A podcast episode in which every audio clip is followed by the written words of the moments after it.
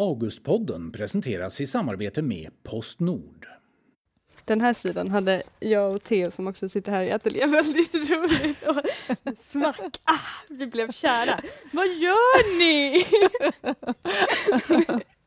och just sådana här känslor som är på något sätt blandning mellan så här bestörtning och avsmak och ändå så här nyfikenhet och fascination. Liksom. Jag tycker det är Ja. fantastiskt.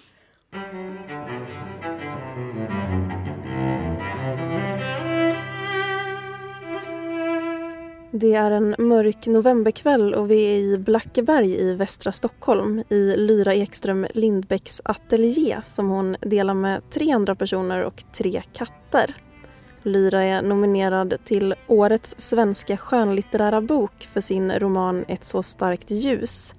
Här finns också Malin Axelsson som är nominerad för sin barnbok Jag blir en bubbla som blir ett monster som blir ett barn som hon har gjort tillsammans med Klara Persson. Vi bad författarna skriva ett brev till varandra och berätta om sina böcker inför dagens möte.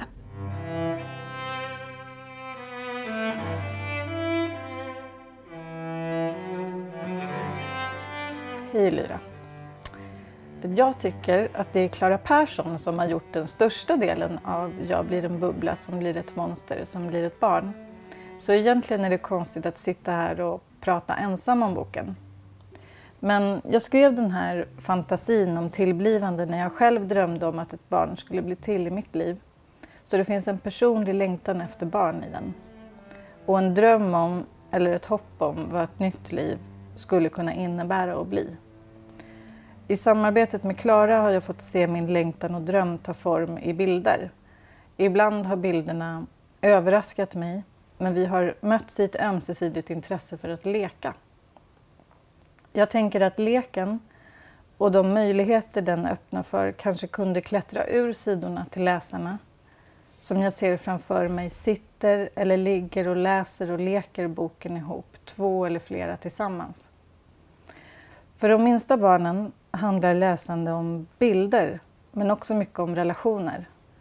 Och till och med om beroende, eftersom det är vuxna som har makten att förmedla berättelserna. Därför tror jag det är bra om böcker för de minsta kan utmana de vuxna läsarna, till exempel till att leka. Oh, jag har blivit glad av den här boken ända från början när den kom hit i, en, i ett kuvert. Jag drog fram den, så den är så liksom den är så magnifik. Uh, och jag har haft svårt att liksom hålla den här glädjen för mig själv. Jag har liksom dragit in resten av ateljén eh, i den genom att läsa upp olika saker. Den är väldigt den är väldigt pratsam, liksom, i att man känner att man är indragen i något slags spel eller lek, precis som du sa. Eh, det kan ju vara frågorna och utropen och sånt där som eh, Samtidigt som så här, det är inte riktigt tydligt vem som säger vad eller vart det riktar sig eller sådär. Eh, vilket gjorde mig som läsare mer aktiverad. Liksom. Mm. Och det är väldigt många av de här sakerna som man kan känna själv ganska starkt. Som, när blir det tårta? Hur kommer det nu att bli när vi inte vet hur allt ska bli? Liksom. Så är det ju Ja, varje dag nästan. Det är väldigt många tårtor i den. tycker jag väldigt mycket om. Ehm, ja, den, den är svår att beskriva den här boken, tycker jag. Ehm, för att den ställer så många frågor och, och petar på så mycket mer än berättar någonting. Liksom, jag tycker om hur så här, livet och döden växelvis används nästan bildspråkligt eller liksom som hyperboler och så sen går de över till att bli bokstavliga och det finns hela tiden det här spelet mellan olika liksom, betydelsenivåer. Gud vad jag låter akademisk och Ja, men det är otroligt. Jag är helt... Ja, det är jättespännande att höra dig berätta. Man får nästan lite lust att skaffa barn. jag brukar inte känna så, men eh, nej, det är väl nog mer kanske en lust att, att, att vara barn själv. Och liksom. Men ja, jag läser nästan inga barnböcker och när jag läser den här boken så förstår jag inte varför jag inte gör det. För att jag tänker kanske att de är skrivna för någon annan än mig själv samtidigt som många vuxenböcker, vuxenböcker är ju, känns ju också vara som att de är skrivna för någon annan mm. än mig själv. Mm. Jag är svårare att identifiera mig med rollen som vuxen än som, mm. som person kanske. Mm. Mm.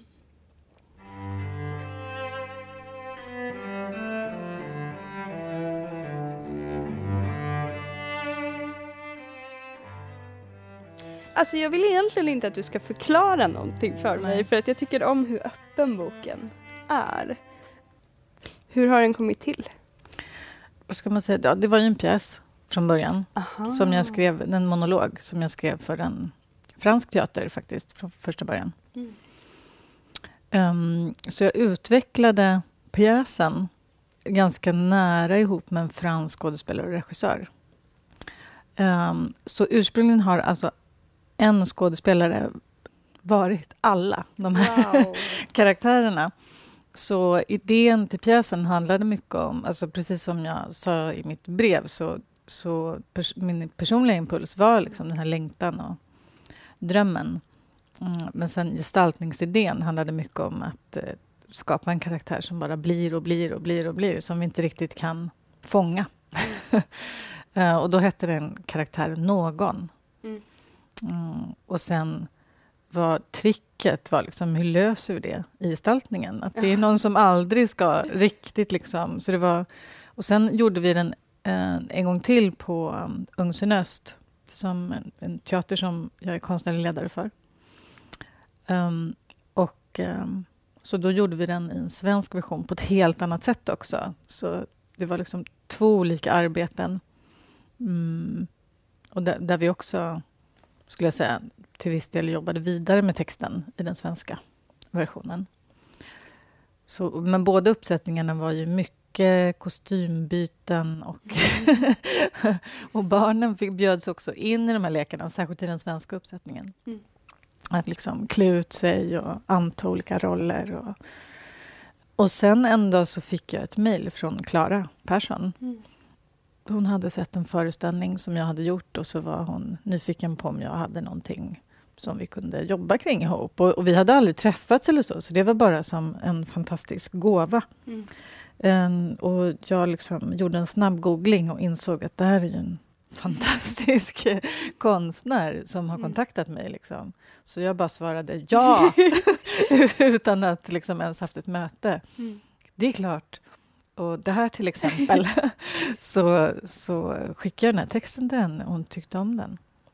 Så då började vi, sen jobbade vi under lång tid, jag vet inte hur många år, två år kanske totalt, med eh, jag gjorde ett första grovt bokmanus av pjäsen och sen så eh, jobbade vi om det och liksom, ja, satt ner och eh, allt mer liksom byggde ihop bilderna med texten och Mm. tog bort text för att det skulle vara bild och, och pratade fram och tillbaka. Ehm, ja, så blev den till. Och sen när, när bilderna mm, till slut kom, då, då, då, alltså, då bara grät jag faktiskt på vissa uppslag och skrattade högt också. Eh, för att typ, aha, har du löst det så liksom? Ja. Så det, det har verkligen varit, ja men jag tycker, ja som en gåva har det känts på något sätt att få eh, jobba med den här boken. Ja. Ehm, Men det har ju verkligen känts som att läsa den också. Den jag tror att jag har så himla mycket fördomar om barnböcker. Jag vet inte vad de är grundade i, men att det ska vara så på något sätt mästrande pedagogiskt och övertydligt. Och så här. Den här boken är ju boken är otroligt mycket mer så obestämbar och svävande än många experimentella diktsamlingar är, tycker jag. Att det, Mm. liksom, det känns inte som att så här, nu har vi försökt göra det här, nu ska den här boken kännas så här överhuvudtaget, utan mer bara lustfyllt. Liksom. Mm. Men jag tänker att det, är så, det finns ju så många olika sorters barnböcker. Men jag tänker så här, när du frågar så här, var kommer mina fördomar Mm. ifrån och så.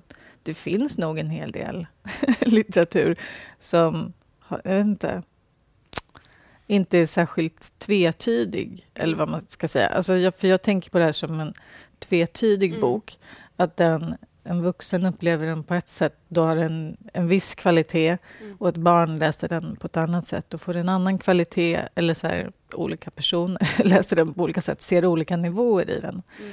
Jag tycker det är viktigt att litteratur för barn får vara så, också Mm. teater för barn. Alltså, när jag gör teater, då vill jag, när jag gör teater för barn och unga, då vill jag att jag själv ska tycka det är bra. Ja. Inte liksom... Och då, fin, då då blir det de här olika nivåerna. Liksom, mm. medans, och då kanske en del kan tycka så här, om det här går ju över barnens huvuden eller något sånt. Men, men jag tycker nej, det är bara olika sorters läsningar man gör mm. då av boken. Ja, det finns ju en del ironiska bitoner i den, liksom, som, som barn kanske inte förstår. Men å andra sidan så, så här, förståelseprocessen när man är barn, eller som jag minns det när jag själv var barn, det var inte att så här, åh, här har jag ett ord, nu ser jag en bild på en katt, nu förstår jag att det här betyder katt på det här mekanistiska sättet, utan det är snarare liksom att allt är en mångfald av betydelser. Mm. Och ett, att allt är en mångfald av stämningar som man inte helt kan sortera. Och liksom, mm. um, så det är svårt att förstå varför det ska vara så, peka med hela handen. Mm. Liksom. jag får bara lust att sitta och läsa högt ur boken, men det är kanske inte det den här podden ska bestå mm. Det var ju också liksom en urvalsprocess vi fick göra. Det är mycket från pjäsen som inte är med mm. uh, i boken också. Det var inte helt lätt, men... Vad är det som har rykt? Hur skulle du beskriva det som har rykt? Uh, alltså det fanns länge så fanns det med en springare som sprang genom hela boken. Jag är lite ledsen fortfarande att den inte är kvar, men det, det, allt rymdes inte. liksom. Som sprang och sprang och blev äldre och äldre ju längre den, den sprang. Så, jätteung och sportig så här, i början. och sen på sista sidan, så här, så här, och sen till slut kolla vippen. så, men det blev liksom för mycket att trycka in det. Och det fanns också ett parti där någon blev en flicka som var väldigt söt och som sen blev en pojke som sen blev vidare. Så det fanns en sån så här, genusförvandling också eh, som inte rymdes. Vad var det mer? Det tycker jag eh, finns kvar i boken. Jo, det finns säga. spår av det. Ja. En genusförvirring. Ja. Eller liksom så här, varför ska man vara en flicka, varför ska man vara mm. en pojke, vad är det man är när man är... Ja, men det är bra tycker uh. jag. Och jag tycker också att du har en fantastisk förmåga att här, släppa taget om din egen text på något sätt och inte så här, kräva att texten ska vara sluten i sig själv och sätta sista ordet som på den här sidan liksom, mm. här är vår dröm och så sen mm. svävar drömmen ut i massa bilder. Liksom, att det, ja. det tycker jag själv är jättesvårt, att så här, öppna sin egen text på det sättet. Fast det tänker jag måste vara att du måste ha viss erfarenhet av det när du jobbar med teater också. För att det, mm. är ju en text som är öppen mot någonting på ett annat ja, sätt. Just det. Ja, så är det ju. Det, det, är alltid så att någon tolkar texten. Mm. Men det här är kul, för det var i ursprungliga pjäsmanus så var det, så här, det var precis så här, här är vår dröm. Och sen så var det, gjorde, det, det var typ så här, konstiga symboler, de konstiga symbolerna på tangentbordet i manus. Liksom. Mm. Och sen stod det så här, doktor, gorilla, och lite konstiga tecken. Så det var typ... Det är kul också att skriva dramatik på det sättet. Mm. För att när en regissör möter det så är det så här, vad, vad är det här liksom? Vad ska jag? Istället för att skriva så här, och så händer det här och så händer det här. Att just så här, mm. släppa fritt. Man kan ju gå olika vägar med manus. Att jobba väldigt auktoritärt, liksom. Mm. Att det ska vara så här. Um, så då var det så kul att, att se Klaras översättning av ja. de där konstiga drömsymbolerna. Liksom.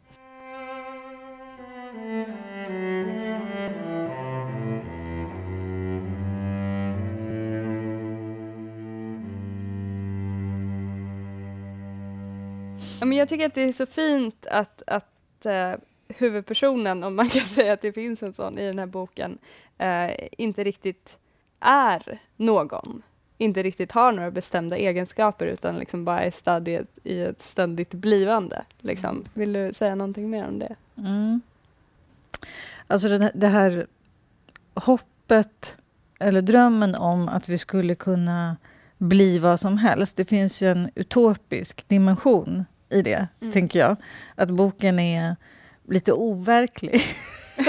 på så sätt. Eller den, den gör sig ett eget fritt litet universum där det faktiskt är möjligt mm. att inom loppet på några sidor bli och bli och bli och eh, bli det. På en sida så är det så här 10 000 blev inte nöjda. blev, men ändå vad är tårtan? Och tårtan kommer till slut liksom som en pay-off, att så här, det blir, vi firar någonting. så att det, det tänker jag, för, för, i verkligheten så, så är det ju väldigt svårt ofta att röra sig mellan roller på det mm. sättet, tänker jag. Då kommer verkligen snart in på din bok. Nej, men liksom att vi snarare placeras ganska snabbt i roller i samhället mm. där vi ska agera och bete oss, klä oss på ett speciellt sätt. Vi begränsas ganska tidigt, väldigt tidigt, i vårt blivande på det sättet. Det är inte mm. som att hela världen uppfostrar oss och bara, ja men absolut, så här, bli hur du vill idag. Utan det är liksom, bli sån, bli så. Mm. Uh, och, och det finns de här uh, ramarna för det. Men jag tycker att uh, det är viktigt viktigt, men att det är, det är bra. Det är bra i alla fall om vi kan leka för en stund kring den där friheten för att på något sätt i leken så kan man i alla fall föreställa sig något annat sorts blivande än, som är utanför de där ramarna. Då. Jag tyckte det kändes faktiskt just ganska verkligt. Alltså för att det är ju mycket så när man är barn, att man är olika saker varje dag. Att man går så in i det man leker, att man faktiskt känner att man blir doktor eller man mm. blir butiksbiträde eller gorilla eller pyramid eller whatever. Och så, jag tycker också att det är så fint att den här tröttheten eller att man ångrar sig och vill bli något annat liksom finns med mm, här också. Mm. det är inte så tydligt liksom, liberalt subjekt som strävar efter att bli läkare liksom, när jag blir stor. Redan när jag var barn så visste jag att jag ville bli. Utan jag här, nu är jag det här, sen är det här, alla ska få bli något. Oj, nej vänta, alla får inte bli något. Nu blev vi lite ledsna här. Liksom. Att det är den här, ja, men det är det som gör att den känns verklig, just för att den är på lekens villkor hela tiden. Mm.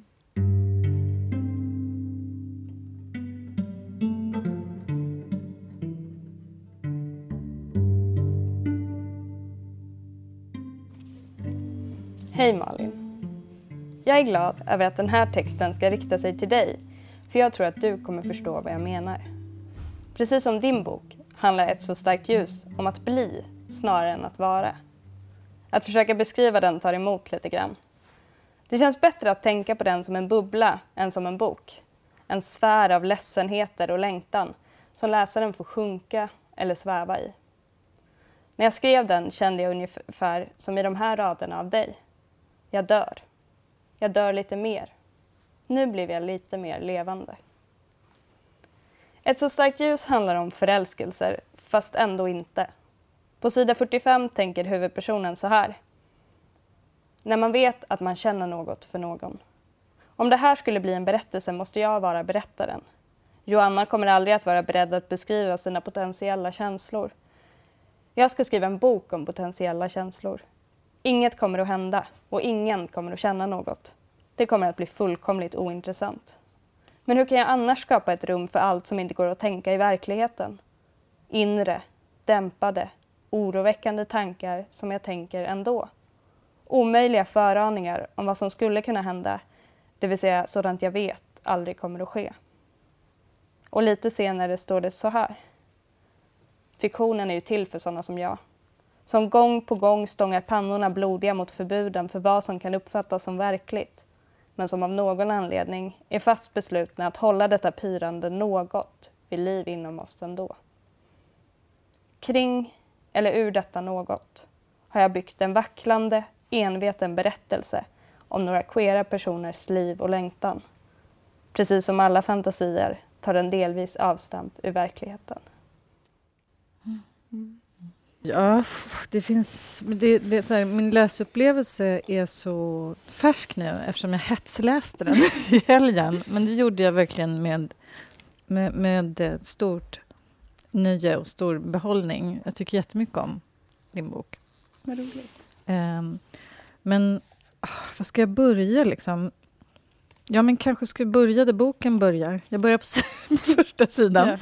Eh, nej, men för jag tycker det är spännande för att vi kommer direkt in i en teatervärld där det handlar om att, att, att spela roller som, som är en, en värld som jag känner till och känner igen mig i. Och, och, och, och det återkommer sen i boken också. Alltså det finns, eh, det finns en tanke kring det där med teater och roller känns som genom hela boken.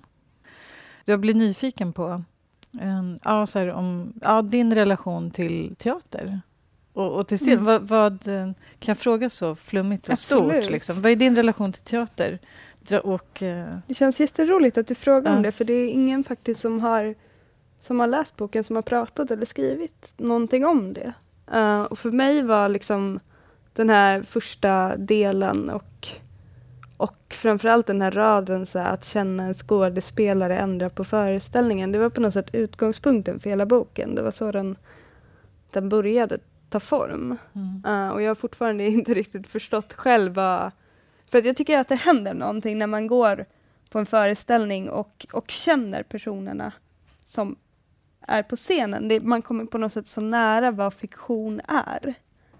Uh, det, det uppstår liksom en konflikt mm. i den där illusionen och verkligheten som, som så kändes väldigt drabbande och intressant. Mm. Um, och just med den karaktären Joanna som liksom teatern på något sätt för huvudpersonen kretsar kring så är den ganska mycket en förlängning av, av Joannas vilja att hela tiden framträda och framställa sig själv mm. och ha kontroll över sitt eget framträdande. Mm. Och så. Och det är liksom sedan så förlika sig på något sätt huvudpersonen med att det är när Joanna faktiskt är i det scenrummet och är i den fiktiva världen som hon på något sätt blir som mest verklig. Mm. När hon mm. försöker spela sig själv i verkligheten så känns det falskt. Men det, när det finns mm. den här överenskommelsen att det är fiktion, mm. då blir det på något sätt ärligt. Ja, vad spännande. För, för, jag, för jag tänker också, alltså, jag, jag ser teater liksom på fler ställen i boken mm. än, än, bara i historien med Joanna. -hmm. Där är det ju väldigt tydligt, men sen tänker jag också på för jag tänker på boken, alltså Sara är ju som nästan som någon slags flanör. Eller så, liksom, glider omkring i staden och så här, promenerar ihop med olika personer och rör sig på gator runt om i staden och i miljöer. Och, och för mig så blir det där också som en scen på något sätt. För att mm. Sara reflekterar ju väldigt mycket över sig själv, hur hon blir mm. betraktad och sedd. Hon tittar på andra. Det liksom framträder scener i det offentliga rummet. Alltså det handlar ju ganska mycket om det offentliga rummet mm. som scen. Hur, hur framträder jag där? Eller mm. vad, vad, hur kan jag framträda där eller liksom bli begriplig mm. i, i det rummet på något sätt? Och att det är ett rum som redan är regisserat på en massa ja. olika sätt som man ja. liksom måste spela med i. Alltså, ja, absolut. Men är det, så här, är det ett dramatiskt skrivande Eh, är det något som du tänker på? Eller är det så här... Oj, vänta, nu har katten fastnat i någons jacka med klon. Hur går det? hon kan bitas lite, så ta i hennes nackskinn och ta i tassen. Liksom. Eller lyft henne uppåt. Vilken svår... Så. så. mm. Nej, men är, är en prosa, poesi ditt område? Eller liksom dramatiskt skrivande drar alltså, det mm. också? Mm. Är det något som, inte, som du är intresserad av? Det ska jag fortsätta med någon gång? Eller? Jag har faktiskt de senaste veckorna gått runt och sagt till folk att ah, jag skulle vilja skriva dramatik. Ja, men det ja. känns också så... För när jag skriver liksom prosa eller poesi, då vet jag på något sätt vilket sammanhang jag skriver i. Mm. Men det känns så oskyddat att börja skriva dramatik för sig själv på något mm. sätt. För mig är det liksom en annan värld och det är något jag alltid bara har gjort tillsammans med människor och för specifika sammanhang mm. och sådär. Just för att så här, text till scen behöver liksom andra människor för att bli levande. Medan mm. en bok är på något sätt det här egna universumet där man... Mm. Ja, så att jag tycker att det är jättespännande med dramatik men jag har liksom mm. aldrig pursue it seriously. Liksom. Mm. Ja, men jag känner det i boken. Det finns en Stark dragning till, till teatern, är min tolkning. Mm. Men hur, hur, gick det till när du skrev boken? Är, är det, gick det till så som, som det står att, att, att Sara gjorde inuti boken? Nej, eh, och det förstår jag att man kan tro. Det är många som har varit så här, åh, det här är då en dagbok som har blivit bok, till exempel, för det är ju så för huvudpersonen. Nu bryter jag den illusionen lite. Mm. Um, jag tror att det är ganska vanligt att författare snarare försöker liksom skapa en, en distans mellan sig själv och sin huvudkaraktär för att visa så här, åh, det här är fiktion, det här är jag konstruerat. Lite. Jag tänker, ah, jag har frossat i den här Lena Andersson-Hugo Rask-debatten som pågår nu. Och jag tycker att det är väldigt intressant hur hon så vägrar låta boken parasitera på henne och parasitera på föreställningar som folk gör som henne. Mm. Jag har försökt göra lite motsatsen och har ibland nästan så kommit på mig själv med att intervjuer spela Sara lite grann för att försöka så skapa på något sätt det här det här verklighetsnära suget. Liksom. Eh, samtidigt som, som boken för mig inte alls är ett avtryck av mitt liv utan väldigt mycket så här fantasikonstruktion. Um, den, men den har liksom kommit till förstås, alltså sprungit ur så här, äkta känslor och liksom upplevelser som jag har behövt processa och sådana saker. Men uh, ja, alla karaktärerna utom en är framfantiserade. Mm. Och jag har liksom redigerat och jobbat så väldigt väldigt romanigt eh, uh, med den. Och det, jag har haft väldigt roligt faktiskt med det här med linjär berättelse och liksom även om, om den liksom kanske mm. inte är jätteklassiskt eh, dramaturgiskt liksom välsmord så är den ju en väldigt tydlig berättelse. Och det har chockat mig också efteråt, så att jag, att jag inser så shit, jag har skrivit en bok som typ alla kan läsa. Och som så här, shit, nu har den typ nominerats till Augustpriset, så nu är det en massa olika människor som läser den. Och nu fick jag läsarmail av en 84-årig man som typ har förstått boken precis. Och så här, kan man skriva så här? Funkar det så här? Ja. Och det hade, ju inte, det hade ju eh, nog aldrig kunnat hända med mina egna dagboksanteckningar till exempel, för de är mycket mer störiga och inåtvända och flummiga och experimentella. Mm. Mm. Så Sara är ju en konstruktion, tyvärr. Tyvärr? Ja, jo, jag kanske inte skulle vilja vara Sara. Men...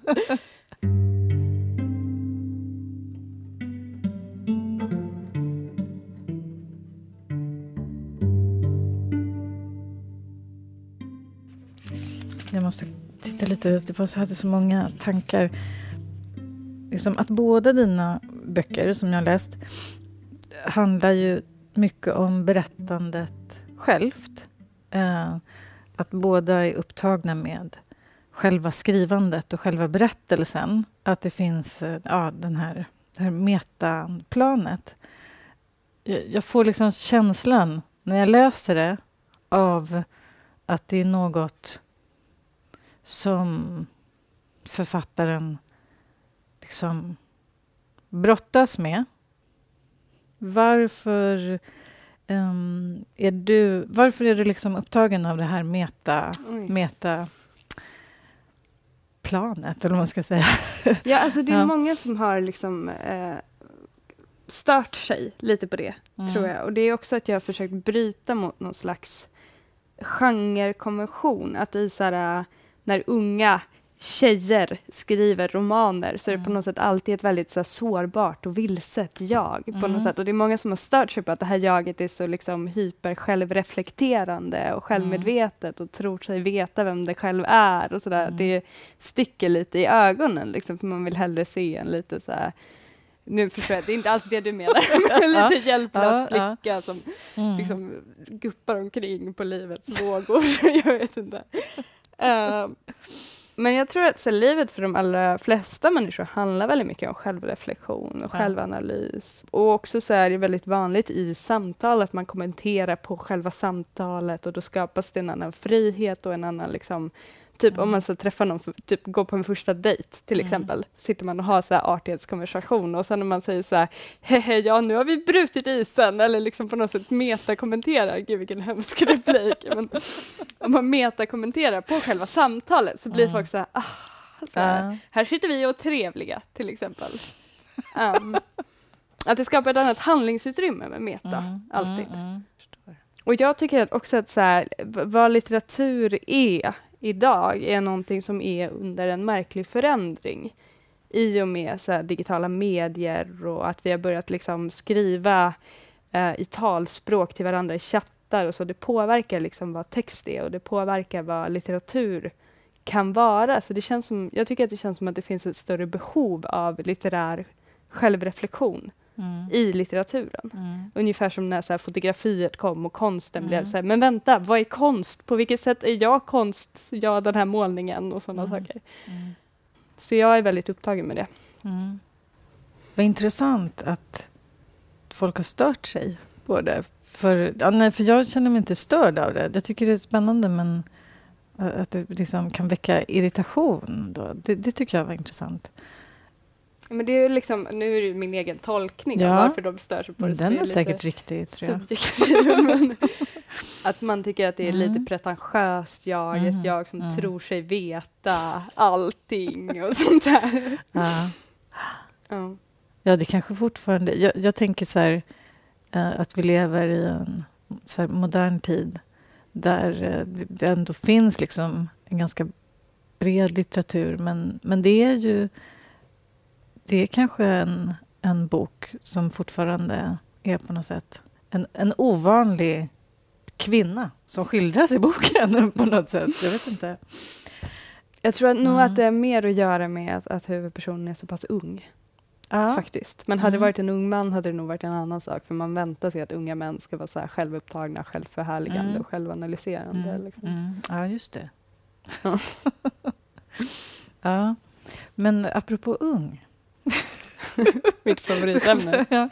Så tänkte jag också, nej men för det var ju...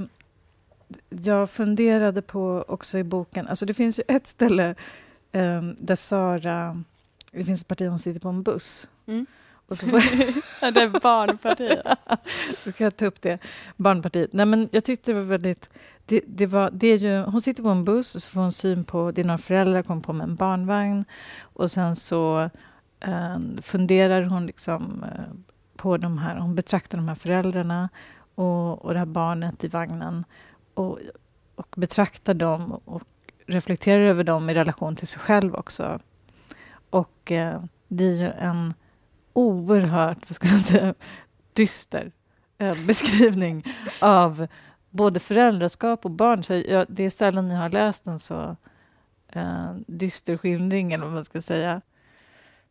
Men eh, samtidigt så är den här boken så, så är barnet så otroligt närvarande i hela boken. Framförallt i, i skildringen av relationen till Linnea tänker jag, som är från barndomen på något Mm. sätt. Alltså det känns som att barndomen ligger väldigt nära Mm.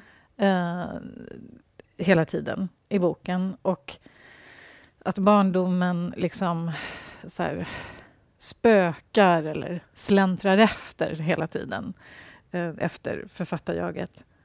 Och ehm, att eh, i, i den skildringen så är det ju så en stor sorg förknippad med barndomen. Och, eh, men också en så ömhet och eh, solidaritet med Mm. barnet, tänker jag, som är grundläggande på något sätt i boken. Så ja, det här är ett försök att liksom läsa boken Mm. utifrån någon slags barnperspektiv. Mm. Eh, Men jag funderade över det liksom, ja, kring barndomen. Så här, hur är det ehm, hur är det att, närma sig att skildra barndom och barn för dig som eh, författare? Om, om man, utifrån min läsning, då, att du faktiskt Mm. gör det i boken. Mm. Förstår du frågan? Jag Liksom, är tror det. Jag tror att, att För det känns som det är Mm. sårigt eh, Mm. på något sätt. det känns mer för mig som att det handlar om ungdomstiden. Ja. Eh, men det finns ju också det, det där barnet Mm. vars blick blir på något sätt väldigt så här, närvarande och liksom också och i det finns det också ett främlingskap inför vuxenlivet och det Ja. andra menar med vuxenlivet och de, de vuxna skildras ju liksom nästan utifrån. Mm. Um, och det skapar ju på något sätt en, en barnsolidaritet eller vad man nu ska kalla Mm. den. Men just barndomen tycker jag känns väldigt, väldigt svår. Kanske för att jag har en sån respekt för den. Uh, har nog inte så jättemycket respekt för vuxna men snarare, och inte så här, det finns ju barn porträtteras ju som ganska, alltså barn är de enda som gör någonting rakt ut homofobiskt i hela boken Mm, mm, också. mm, just det. Eh, så barnen... Det är ju inte som att barn, barn och barndomen är den här fina, trevliga, lilla liksom fantastiska utopisfären. Liksom, utan, jag vet inte, känslan av att så här, barnen ändå på något sätt fortfarande är sårbara, fortfarande är öppna, fortfarande går. Skulle, att man skulle kunna tala till barn, Mm, att de är i blivande. mm, Liksom. Men som vuxna på något sätt har bestämt sig för vilka de är, bestämt sig för vad livet är, bestämt sig för hur det ska gå till. Liksom. mm. Mm.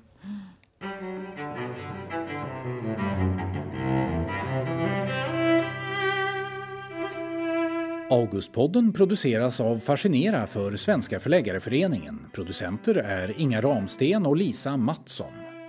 Augustpriset presenteras i samarbete med Postnord.